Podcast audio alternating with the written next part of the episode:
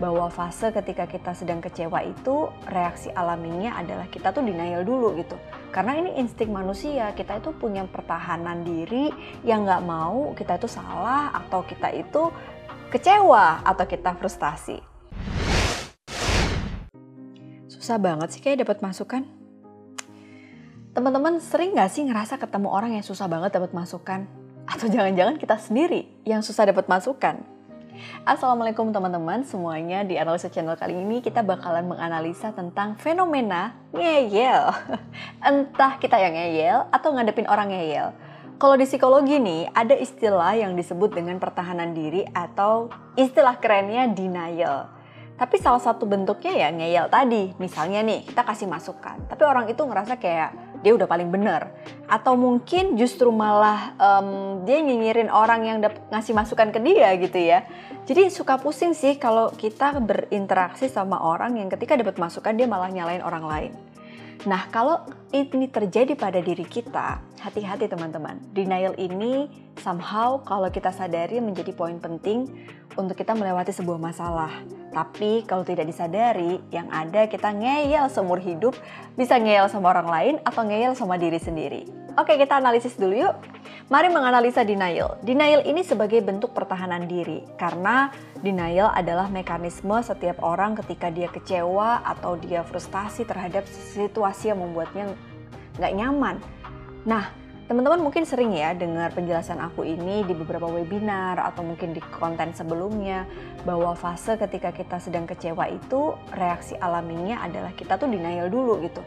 Karena ini insting manusia, kita itu punya pertahanan diri yang nggak mau kita itu salah atau kita itu kecewa atau kita frustasi. Nah, karena tidak ingin merasa bahwa kenyataan itu adalah hal yang harus kita hadapi, kita berusaha memblokir pengalaman atau peristiwa yang terjadi di saat kita sedang tidak nyaman. Kita memblokir. Bayangin teman-teman, kalau kita ngeblok, apa yang terjadi? Satu, kita sulit mengenali perasaan kita. Yang kedua, kita nggak bisa mikir harus gimana. Yang ketiga, kita gagal move on. Nah, kalau ini terjadi, coba deh teman-teman sadari, kadang-kadang kata-kata yang sering muncul kalau kita lagi denial, enggak kok, aku udah cukup kuat, aku nggak butuh bantuan aku baik-baik saja. Hah? Aku salah? Enggak, aku udah bener. Ini nih, jangan-jangan ada yang sulit untuk mendengarkan masukan orang lain. Memang kalau kita lagi denial itu kita butuh meningkatkan external awareness atau masukan dari orang lain selain diri kita. Kalau itu udah gimana mbak? Nah, kita dengerin suara hati kita atau ditingkatkan internal awareness. Coba tanya berkali-kali deh, apa iya itu yang kalian rasain? Apa iya itu kenyataan yang kalian hadapi?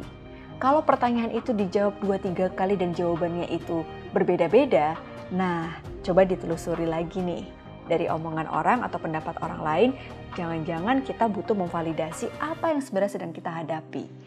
Jadi, kalau kita lihat ciri-ciri orang denial, atau kalau kita lagi denial, yang pertama nih teman-teman, biasanya kita itu menolak untuk membahas masalah tersebut. Contoh, udah deh gak usah dibahas dulu, aku lagi pusing. Udah deh gak usah dibahas, itu kan urusan aku. Nah, ini nih tanda-tandanya. Yang kedua, kalau kita ngerasa kita itu udah paling bener. Misalnya dapat masukan, terus kita denialnya lagi muncul nih. Dan kita kayak membenarkan perilaku kita. Hah? Aku salah? Enggak, ini tuh udah bener. Kamu kan gak tahu apa-apa ini tuh udah paling bener. Nah itu tuh ciri-cirinya. Yang ketiga, kita nyalain orang lain. Tuh kan, aku gagal gara-gara dia. Tuh kan, aku salah gara-gara dia. Jadi, pada saat kita nyalain orang lain di luar kemampuan kita, di luar batas kemampuan kita, itu artinya kita sedang melakukan atau mengalami yang namanya fase pertahanan diri tadi atau denial.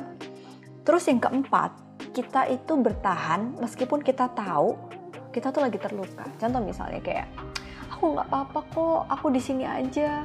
Aku nggak mau makan, aku nggak mau tidur. Nah, kita tahu ya kalau kita nggak makan, kita nggak tidur itu bisa sakit, kita bisa rugi karena kita nggak jadi produktif. Tapi kita nggak mau move on, itu ciri-cirinya. Yang terakhir adalah biasanya kita itu punya janji-janji palsu sama diri sendiri atau sama orang lain. ya udah udah ntar aja ntar aja aku bakalan selesaiin masalah ini tenang aja itu bakalan selesai kok tenang jadi kita tuh kayak menghindari buat mikirin masalah itu gitu dan mem membuat seolah everything is gonna be okay padahal sebenarnya sedang tidak baik-baik saja kalau ada di antara kita sedang mengalami tersebut atau teman-teman menemui orang yang sedang sedang dalam fase tersebut coba deh teman-teman bisa bantu uh, diri kita untuk mampu menghadapinya. Gimana caranya Mbak Analisa? Kita nggak bisa mengubah keadaan, ya kita nggak bisa mengubah situasi. Yang bisa kita kendalikan adalah respon diri kita. Tapi sebelum kita memikirkan responnya, coba divalidasi dulu deh emosinya Nah, kalau yang terjadi ini pada diri kita, boleh loh kita curhat ke orang lain, minta masukan, kita jujur sama orang yang benar-benar bisa kita percaya tanpa kita takut dijudge, atau bisa cari pertolongan profesional, ketemu konselor, ketemu psikolog, atau orang yang bisa kamu percaya. Kalau aku bukan tipe orang yang bisa curhat, gimana Mbak Analisa? Tulis, jurnal ya journaling ini menjadi salah satu uh, yang bisa kamu lakukan untuk memvalidasi emosi kamu. Boleh direkam, boleh digambar, dan ini tuh jadi hal-hal yang menarik gitu ya buat teman-teman bisa punya satu mekanisme coping atau cara nyelesain masalah. Nah, kalau teman-teman ada di dalam fase menghadapi orang yang sedang denial, maka kalian bisa membantu dia untuk memvalidasi emosinya. Jadi gimana sih caranya? Coba kalian sadari dia dengan mengenali apa yang sebenarnya sedang terjadi. Tanya deh, apa yang kamu rasain? Apa yang kamu lagi pikirin? Coba sini, cerita ke aku. Aku bisa bantu apa? Kamu butuh apa?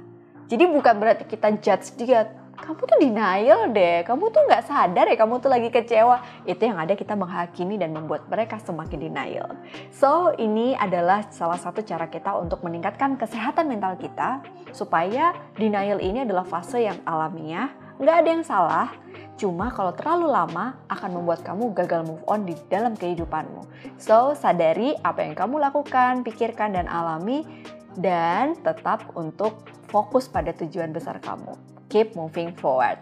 Terima kasih teman-teman. Ini dia analisa channel yang menurut aku sangat penting karena di medsos sekarang lagi banyak orang yang denial dan terlihat dari postingan-postingannya gitu ya. Dan kalau kamu nonton di episode sebelumnya, kamu bisa langsung aja klik nih buat nonton ulang video tersebut karena ada kaitannya di satu sama lain.